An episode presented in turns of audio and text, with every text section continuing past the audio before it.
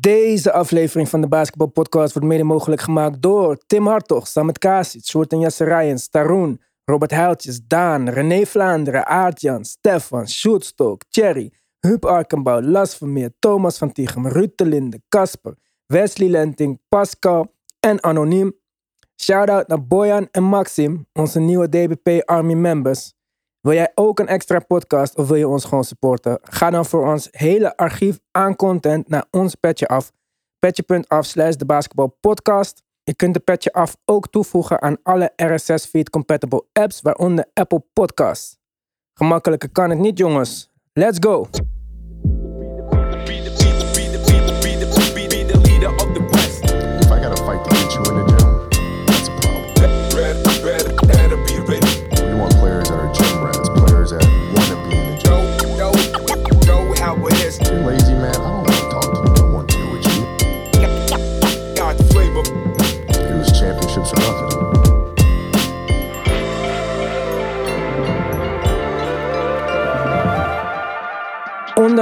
Tussen de Knicks en de Mavs over Jalen Brunson lijken stil te liggen. Goran Dragic wordt vrijwel zeker getraind en uitgekocht voor de deadline.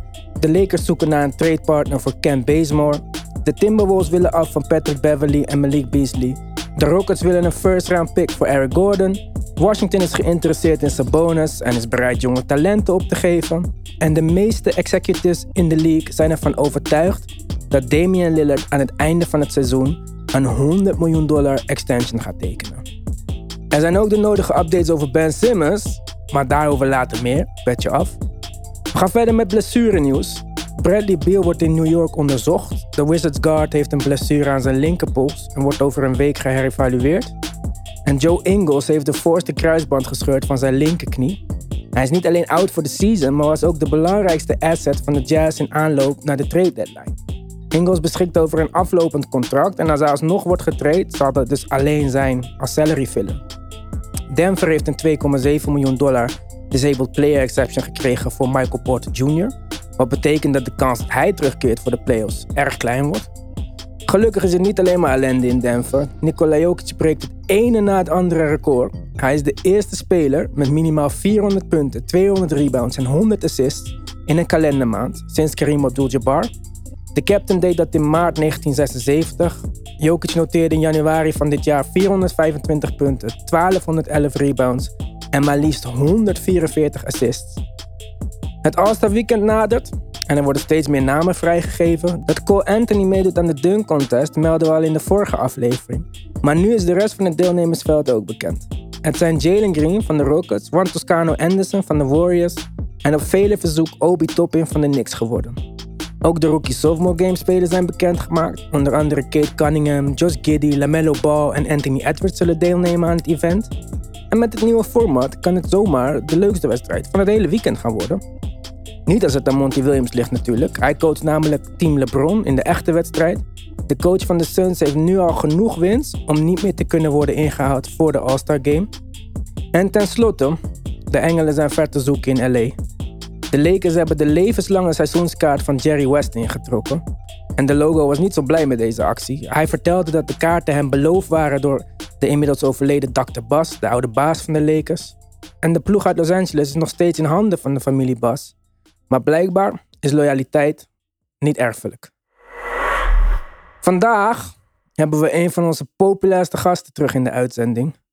De coach van Cobra Nova, Mitchell Liefveld, in de building. Welkom in Alkmaar. Yes, yes. Leuk dat je er bent, sowieso. Thanks. Ik zei al coach, dus ik heb jou ook jouw coach-inzichten nodig. Want wij praten vaak over coaches, maar Mhm. Eigenlijk, ja, dat is voor ons maar een term. Jij, jij brengt die insider knowledge van wat een coach nou eigenlijk betekent natuurlijk. Ik ga mijn best doen. Ja, ik ga ook gewoon gelijk met de, met de deur in huis eh, vallen. Kijk, ik vind altijd, als het slecht gaat met een team, bijvoorbeeld met de Knicks, Mhm. dan moet Thibodeau weg. Mhm. Het ging even slecht met de Lakers, Vogel moet weg. Maar als het goed gaat met de Suns, dan is het een Chris Paul effect. Mhm. Dus ik vroeg me af van hoeveel kan je nou echt de schuld of juist het succes toerekenen aan, aan een coach? Vind je, het, vind je het überhaupt eerlijk dat een coach altijd als eerste wordt afgerekend als het slecht gaat, maar als dat het goed gaat, dat ze niet die props krijgen? Het is maar part of the job. Dus, dus dat hoort erbij. Of ik het eerlijk vind? Nee, het is niet eerlijk. Ehm, want wij als, als coaches zien vaak de lange termijn durven wij te zien. Want hetgeen waar je vandaag investeert, zie je misschien pas terug over zes weken. Hmm. Hè? Dus dat, dat is ongeveer het, het ritme. Het is heel lastig om eh, meteen veranderingen aan te passen. eh, en die ook gelijk terug te zien. Dus ehm, ik geloof ook dat een coach de tijd moet krijgen om te kunnen presteren. En het belangrijkste is daarbij, me- geloven mensen in jou. Dus geloven spelers in jou. Gelooft de staf in jou. Ehm, ja, en dat kan soms in winnen en verliezen. Maar daar moet je denk ik doorheen kijken. Het gaat meer om eh, body language. Ehm, hoe, hè? eh, Gelooft een team in, in, in de coach? Want denk je dan ook als het team dat vertrouwen kwijt is in een coach, dat, dat er geen weg meer terug is?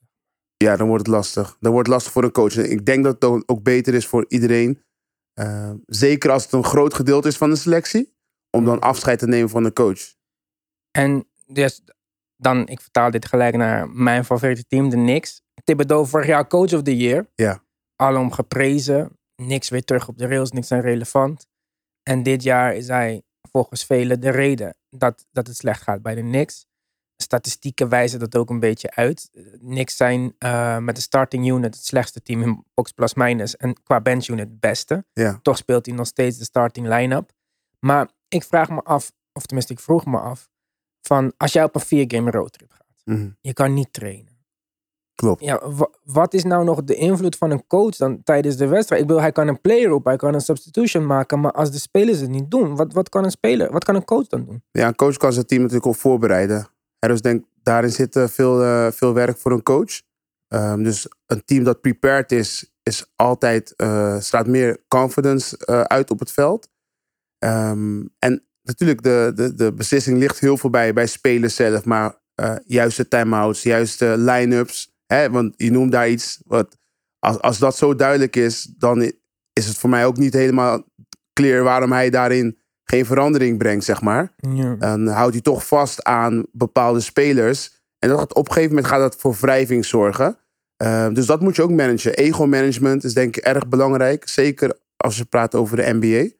Ehm, dus ik denk dat dat meer eh, in de rol van managing, dat daar vooral eh, de kracht ligt van een coach. Op dat niveau, in, in die situatie waar je het over hebt. En ik weet dat jij eh, Lakers-fan bent, of eh, LeBron-fan. Eh, Een beetje toch? Of heb ik dat verkeerd onthouden? nee, ik ben geen, ik ben geen Lakers-fan. Ik ben. ik, ik waardeer LeBron. Ik bedoel, ook wat hij nu doet, Ja. ja, vind ik bijzonder. Ik, ehm, ja. ik vind het bijzonder. Ja. En wat vond je dan dat een paar weken geleden dat iedereen zei, Vogel moet weg, Vogel moet weg? In mijn ogen was Vogel niet eh, de boeman. Als ik eigenlijk, als er dan vinger gewezen moet worden, kijk ik naar Anthony Davis, die weer wederom zo wei- weinig speelt, weer geblesseerd is. En als hij Ehm, speelt ook niet zo... Ook niet, nee, Ja. niet dominant, die dominant is. Dus daar kijk ik naar. Ik kijk dan naar Westbrook. Aan de andere kant, Westbrook zijn cijfers zijn nagenoeg gelijk aan, aan, aan voorgaande seizoenen. Ja, Dus dan. ehm, maar nee, ik kijk niet naar Vogel. Ik zie, ik zie dat het, het team is gewoon niet zo goed samengesteld. Maar- Zo kijk ik ernaar. maar iedereen zegt altijd, het is GM LeBron, zeg maar. Ja. Maar ik, ik weet sowieso, wij weten, niemand van ons Mhm. weet of hij degene is die een ster wou in plaats van deze roleplayers allemaal. Die het leuk deden aan het begin van het seizoen in Washington. Maar Washington staat gewoon ondertussen lager dan de Lakers, maar Ja. dan nog in het oosten ook. Dus ja, dan ligt de schuld dan in ieder geval gedeeltelijk bij Rob Pelinka, bij de general manager Ja. van de Lakers. Maar dat zegt helemaal niemand. Ja. Maar Vogel moet weg. ja, tuurlijk. Want Vogel is het, eh, is het gezicht. In, ja, dat, in dat opzicht. En hij wordt verantwoordelijk gehouden. Alleen ik denk dat het in dit geval niet terecht is. Ehm, ik, ik zie ook niet een reden of als er andere coaches zijn dat het beter zou zijn. Het team kan niet verdedigen. Ze zijn oud. Ze willen niet verdedigen. Dat gaat niet veranderen met de andere coach. Ze kunnen niet schieten. Ze kunnen niet schieten. Dus eh, de balans is zoek in het team. Hopelijk nu dat als Anthony Davis eh, terugkomt, hij kan wat rim protection voor ze doen. Ehm, wellicht, hè, in ieder geval meer dan, dan de rest. Eh, want de andere bigs... ja, maar heeft hij niet laten zien dit jaar. Nee, nee, klopt. Maar ja, is ook een beetje hoop. Daarom, ik, ik geloof niet in de, eh, in de Lakers, in dit team. Ook al met Anthony Davis. Ik, eh, ik heb te veel gezien eh, om te kunnen concluderen van... ik denk niet dat dit eh, nog goed komt. Maar zijn zij een trade hier of een extra buyout hier en daar verwijderd van competitiveness. Want bijvoorbeeld ze willen dan nu Cam Bazemore traden. En ze zouden eh, worden gelinkt aan, hoe heet die guy van eh, de Nets? Paul Millsap. Maar dan denk ik, ja vriend, Paul Millsap gaat echt niet het verschil maken. Ja, zeven jaar geleden, Ja. maar niet nu. Nee, nee ik, zie, ik zie dat niet, eh, niet gebeuren. Ja. Nee. Misschien, ik weet niet of jullie andere... Nee, Opties ik, ik of- zag het vanaf het begin aan niet gebeuren. Maar ik, was, ik ben niet verbaasd over Westbrook of zo. Nee. Deze Westbrook is precies wat hij was de afgelopen tien jaar misschien. Dus Ja. ik, eh, ik vind het heel eh, ja, normaal dat het Wat gebeurt. ik wel interessant vond, is dat op dat punt waarin Vogel eigenlijk toestemming kreeg om hem te benchen. Toen dacht ik wel van, oké, wat gaat er nu gebeuren? ja. Van, gaat eh, Westbrook de bad guy worden? Of Vogel, wa- wa- waar ben je mee bezig eigenlijk? En ja, dat weten we allemaal niet. Maar ik denk dat daar wel leiderschap van LeBron een, een rol heeft gespeeld. Eigenlijk om de situatie te managen. Dat denk ik wel echt. Zou ook wel moeten. Ja. Dit is toch een van zijn kwaliteiten juist. Hij is de, de veteran speler op het team. Mhm. Sowieso ze zijn allemaal veteranen in dit geval. Maar ja, dit zou hij ook gewoon moeten doen. Ik denk dat het gewoon vanaf het begin een ongelukkige pairing was. En zelfs, kijk, ze zeggen wel, ja, LeBron heeft altijd met superster gespeeld. Jawel, maar Chris Bosh nam een backseat aan LeBron. Ja. Eh, Kevin Love nam een backseat. En nu speel je met Anthony Davis, die jij juist wilde dat de next Ja. number one guy werd. En met een speler die nog nooit in zijn leven voor Ja. niet eens met Kevin Durant de backseat Ja. heeft genomen. Dus ja, ik vind het echt gedoemd om te mislukken vanaf het begin. En dat vind ik wel jammer. En ik ben echt de grootste Westbrook-hater in de geschiedenis van basketbalvolgers. Maar ik vind dat hij nu te veel kritiek krijgt. Dit is echt, eh, nee, niet terecht. Het wordt gewoon zichtbaar op een groter podium. En Ja. ehm, ik denk dat dat vooral... dat- eh, ik had wel gehoopt dat hij wat meer energie zou brengen. Weet je, het is... Ik, ik weet niet. Ik had, ik had op een andere match gehoopt. Aan de andere kant zie je ook zijn speelstijl naast LeBron. Ja, de pas je is niet vanaf logisch. het begin ja. van dit, jongens, dit gaat niet werken. Ja, ik vind het ook dat je dat had moeten weten. Ik denk als we nu eh, Westbrook treden naar... ehm, welk team staat onderaan? Nou Detroit, maar dan hebben ze point guard. Een random team. Ja, Ah, die 30, 10 en 10 scoren de Ja. rest van het seizoen. Dit is, dit is wat hij doet. Ja. En misschien is er een coach die daar een winning team van kan maken. Maar niet met een LeBron en een AD en niemand die kan schieten voor de rest. nee. Maar goed, je kijkt er net ook een beetje, toch? Een beetje, een beetje. Beetje, ja. Ja. Want vorige week had ik in de uitzending een stat dat de eh, beste coach out of timeout Jason Kidd is. Dus met plays out of timeout, punten Ja. per plays. Ja. Hij heeft 1,2 punten per play na onderbrekingen. Ja. En Steve Nash, Mhm. coach van de Nets, is tweede op die lijst Mhm. met 1,16 punten per play. Ja, Maar ik vroeg me dan ook weer af, in hoeverre zijn deze twee mensen, Jason Kidd en Steve Nash, een beetje Machiavelli-achtige tactici? Mhm. En in hoeverre is het gewoon dat ze Kevin Durant, James Harden en Luca de bal kunnen geven? ik denk dat je, daar, dat je het antwoord daar al geeft. Ik moet wel even een kleine opmerking maken, want zij kunnen de beste, althans nu op papier, eh, de beste time-out plays hebben, omdat Brad Stevens niet meer coach. Want Ja. dat, vond ik, dat vond ik een genius. Dat Als het waren duidelijk. Out of time-out, ja. echt plays. En nu is het inderdaad eh, screen open, bal naar de high post of een middelpick roll spelen of whatever. En we're there, zeg maar. En daar komt de bucket uit. Dus je zet wel je beste spelers in positie om te scoren. Ja, goed, dat, dat is wat een coach hoort te doen.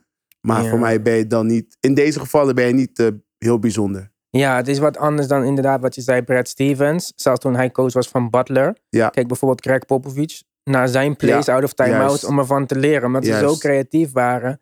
En zo onverwachts. Dat je echt vier keer moet terugspoelen van wat is hier gebeurt. En dat is inderdaad iets anders dan een high pick and roll spelen met eh Luca of Klopt. Harden of zo.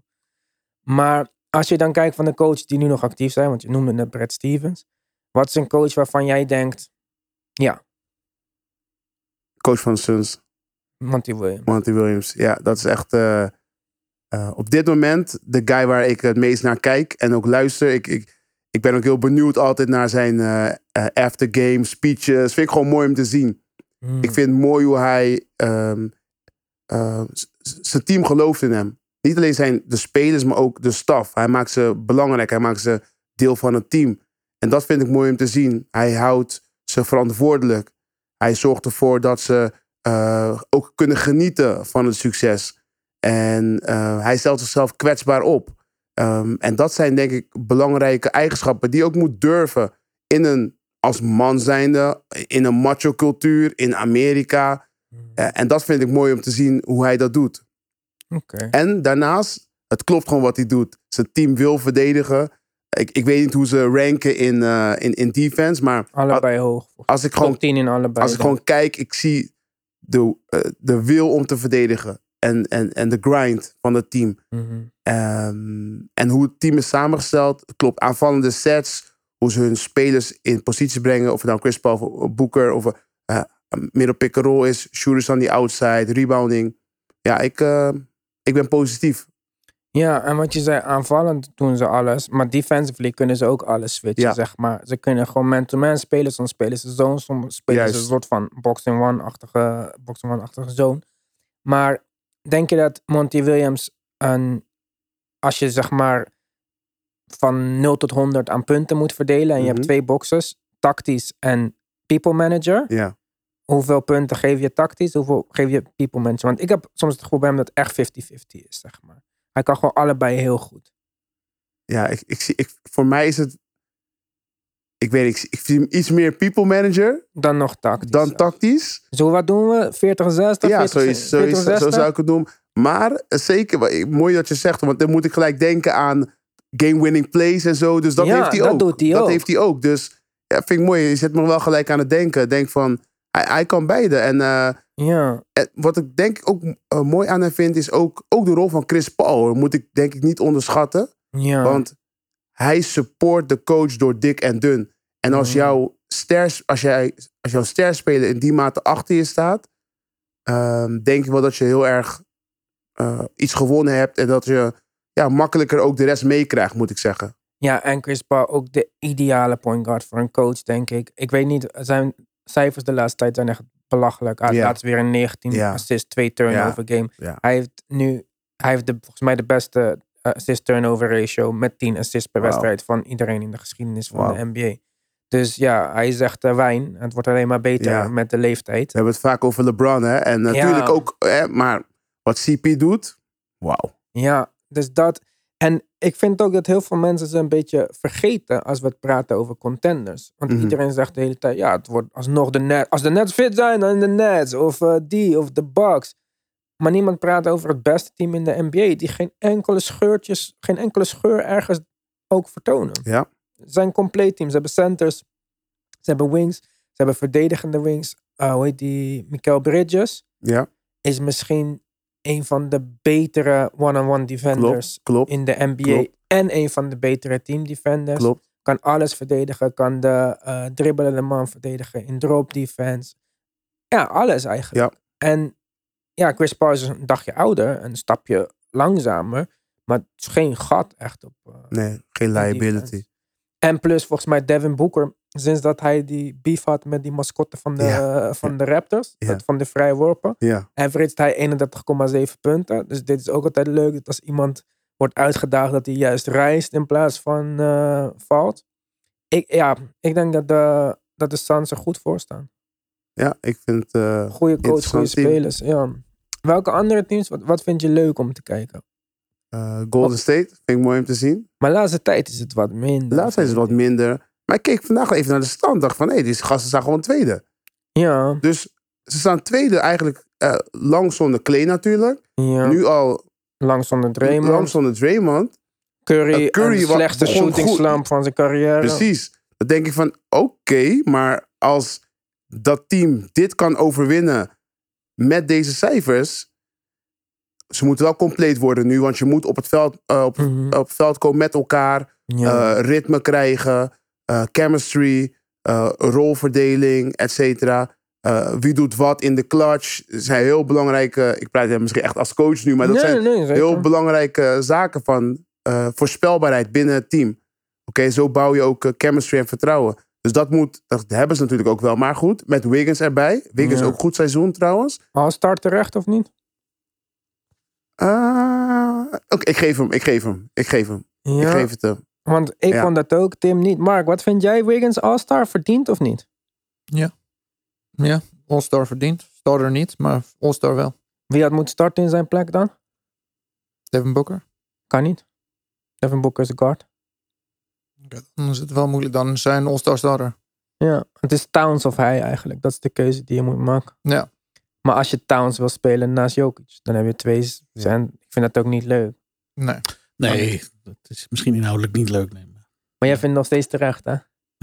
Ja, ik vind hem wel een all-star, maar misschien een reserve. Geen starter. Nee. Nee, ik vind echt starten. Ik vind dat die. Ik vind dat hij een goed seizoen draait, dus dat is het niet. Het is Hij scoort bijna maar- 20 punten. Hij is van mij top 5 wing defender, denk ik, op dit moment in de NBA. Mhm. Dan vind ik je wel gewoon een all-star, zeg maar. En voor mij telt echt defense. Ik snap dat het een all-star game is. En misschien ben ik ook niet de all-star game publiek. Mhm. Maar ja, ik vind dus Trae Young en Harden geen all-stars. Die spelen 50% van basketbal. Moeilijk. Ja, je, Ja. je beargument, beargumenteert volgens mij meer al NBA-verkiezingen dan All-Stars. Ik heb het gevoel dat All-Star wat oppervlakkiger is. Wordt alleen naar punten gekeken. Of eigenlijk voornamelijk naar punten. Hoe, hoe valt iemand aan? Want in de All-Star game wordt ook geen defense gespeeld. Of als het al wordt gedaan, een paar minuten. Dus Omdat de spelers het niet kunnen. Dan moeten we allemaal spelers Oh. neerzetten die het wel kunnen. eh, ik kan me nog All-Star games herinneren met hele goede defenders. Daar Ja. gebeurt niet veel. Ja. Ja, ik, als ik eh, iemand was, dat ik gewoon voor het eh, all-time steal record gaan of zo. Deze All-Star game. Om gewoon een statement te maken. Ja, ik weet niet. Misschien bekijk ik het verkeerd. En uiteindelijk is het voor de fans. Dus wie de fans willen, mogen ze krijgen ook. Dat is voor mij geen stress. Maar ja, ik vind, al- ik vind wel echt dat Wiggins een goed seizoen draait. Ja, maar ik ben wel benieuwd van, oké, als allemaal daar zijn, hoe, Ja. gaat het, hoe gaat het zich uiten? Nou ja, hij speelt met de point guard van zijn eigen team. Ja. Dat helpt. Ja. En, Oh, sorry, ik had het even over de Warriors nog eventjes. oh, sorry. Ja, ja, ja. dat ik Het is wel een valide punt die je maakt. Want ze hebben natuurlijk Clay lange tijd gemist. En sinds die terugkomt zie je dat het absoluut daar... Dat moeten, ze moeten weer winnen. Eh, Ja. Jordan Poole hadden ze een... Hadden ze met, met Jordan Poole hadden ze natuurlijk een enorme instigator in het team. Ja. Die moet nu van de bank komen. Daar waren ze ook al een beetje mee bezig voordat Clay terugkwam. Maar sinds, dat, sinds hij terug is, zie je dat dat team weer een beetje in elkaar moet vallen. Wat Ja. betreft rotatie en minuten. En, Juist. en dus ook productie daarvan, van, van dat soort spelers. Ehm, en sinds Draymond weg is, is het natuurlijk helemaal eh, achteruit Ja. gegaan. Ja. Uh, dus dat is echt wel een punt van aandacht. Als, als Draymond straks weer terug is, met Clay erbij, en dan nou ja, min of meer compleet, laat het zo maar noemen. Alleen Wiseman is dan natuurlijk nog, eh, nog afwezig. Eh, ja, dan heeft die ploeg echt nog wel, eh, nog wel even nodig voor de playoffs om nou ja, dat allemaal weer een- zichzelf eigen te maken met, die, met de spelers die ze dan hebben, inclusief Clay, Mhm. voordat de playoffs beginnen. Want dan moeten ze er staan natuurlijk. ja, sinds Clay terug is de Wiggins minder, is Poole minder. Ja, En Gary Payton twee minder speeltijd, wat ik minder vind. Want ik vind hem echt een Ja, van de jammer. Grootste revelaties dit seizoen, Ja. zeg maar. En oh, vooral omdat hij zijn drie punten raakt met 40%. Ja. En gewoon lockdown defense brengt. Ik ben fan van Matisse Tijbel. En Matisse Tijbel is een heel andere verdediger dan Gary Payton 2. Maar Tijbel heeft in drie jaar geen drie punten ontwikkeld. Wat hem soms moeilijk speelbaar maakt. En Klopt. vooral in het verleden met Ben Simmons moeilijk speelbaar maakt. Terwijl Gary Payton schiet gewoon open drie's erin tegen 40 plus procent. Ja. Dat, dit maakt jou... nou, je mag Gelijk. verwachten dat hij in de playoffs ook nog wel belangrijk gaat zijn. Ja, hij is 26, 27 al of zo. Hij, heeft nooit, hij is nooit bij een NBA-team blijven plakken. Mhm. Maar ja, dit 40% van 3 plus lockdown D. Dat is gewoon een 12 miljoen, 10 miljoen, 8 miljoen contract Ja. voor de, tot je 34ste. Mhm, mhm. Dus goed gedaan hoor. Ja. Ik hoop echt dat er. Ja, ik, ik hoop niet dat de Clay geblesseerd raakt, zeker niet. Maar ik hoop wel dat er een soort van line-up komt met Steph en Gary Payton en Wiggins en Draymond en Clay of zo. Ja. Ja, dat het kan zal de van de tegenstanders. zijn. Ja, Opties zat in ieder geval. Ja. ja. dat wel. Ze zijn wel versatile. Ja. Vind je Steve Kerr, als we het weer even die 100 punten verdelen, tactisch people manager? Ik 50-50. 50-50? Ja, 50-50 voor mij. Maar waarom 50-50? Want hij heeft misschien niet die duidelijke plays, a, plays à la Brad Stevens, maar de hele concept van die balmovements wat hij preacht is wel Ja, een big ja, deal, dat- zeg maar. ja, ja, zeker, zeker. Maar, dus ja, dus dat. En waarom ik hem ook die 50% eh, procent people management geeft, omdat hij houdt vast eigenlijk aan het, eh, eh, zijn speelstijl. En de spelers die committen ook aan zijn speelstijl. Hè, dus dat moet je ook. Natuurlijk, hij heeft ook de spijt, selecteert ze daarop en zo. Het is echt een wisselwerking. Dus, dus voor mij is daar echt meer een 50-50. Eh balmovement, eh, movement zonder de bal. Mm. En dat vind ik vooral.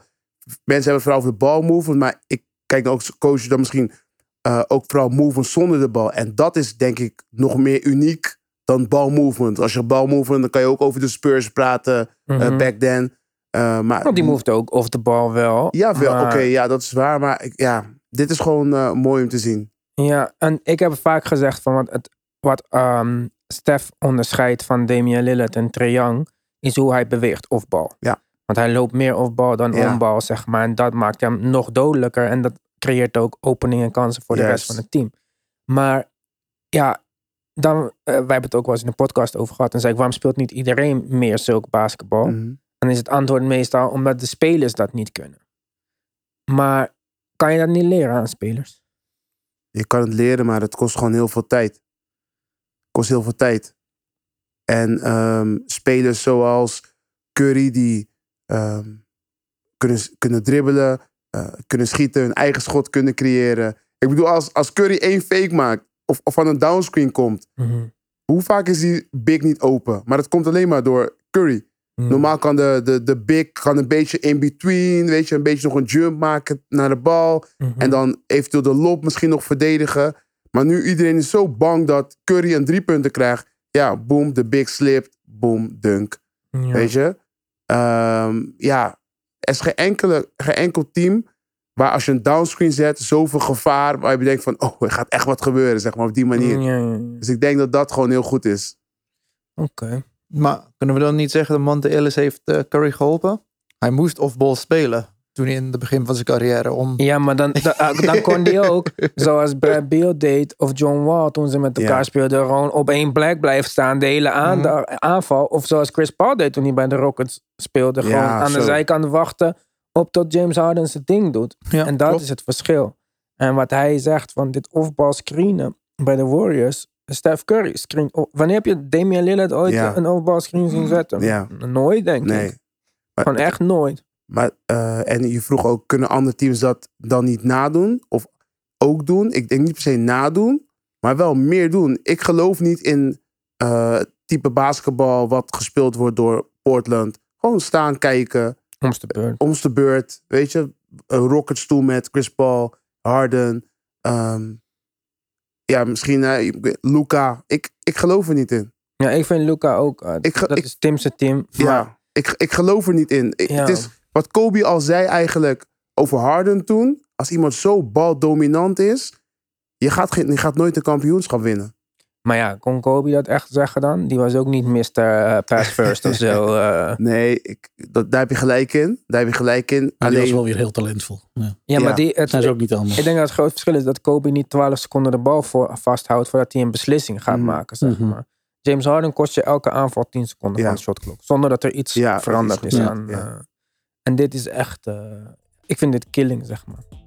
We gaan een petje af verder praten, want ik heb nog een paar vragen over je. Ik wil je favoriete coach of all time weten. cool. Ik ben opgegroeid met de Phil Jacksons en zo. Maar ja, die hebben zo'n rare nasleep. Jij noemde net al eh, Brad Stevens. Dus ik ben heel benieuwd welke het gaat worden. We gaan het hebben over Ben Simmons. Niet omdat, eh, omdat ik altijd over Ben Simmons wil praten. Maar er is gewoon nieuws, jongens. We moeten dit bespreken. Dus dat gaat ook gebeuren. Volgende week hebben we een live show voor de trade deadline. Het gaat voor 90% zeker op YouTube gebeuren. Uh, dus daar gaan we dan sowieso de link voor delen. Maar we hebben ook een YouTube kanaal. Mark, weet je toevallig wat het is? De basketbalpodcast neem ik aan. Of. DBP, iets in die richting. Zoek DBP Marts Mates, dan vind je het Ja. vanzelf. Uh, voor vandaag zeg ik dankjewel voor het luisteren. Wij zijn er maandag weer. En voor degenen die geen petje af hebben, zwaai doe je naar Mitchell. Maar voor de petje afleden, kom kom. We gaan de petje af.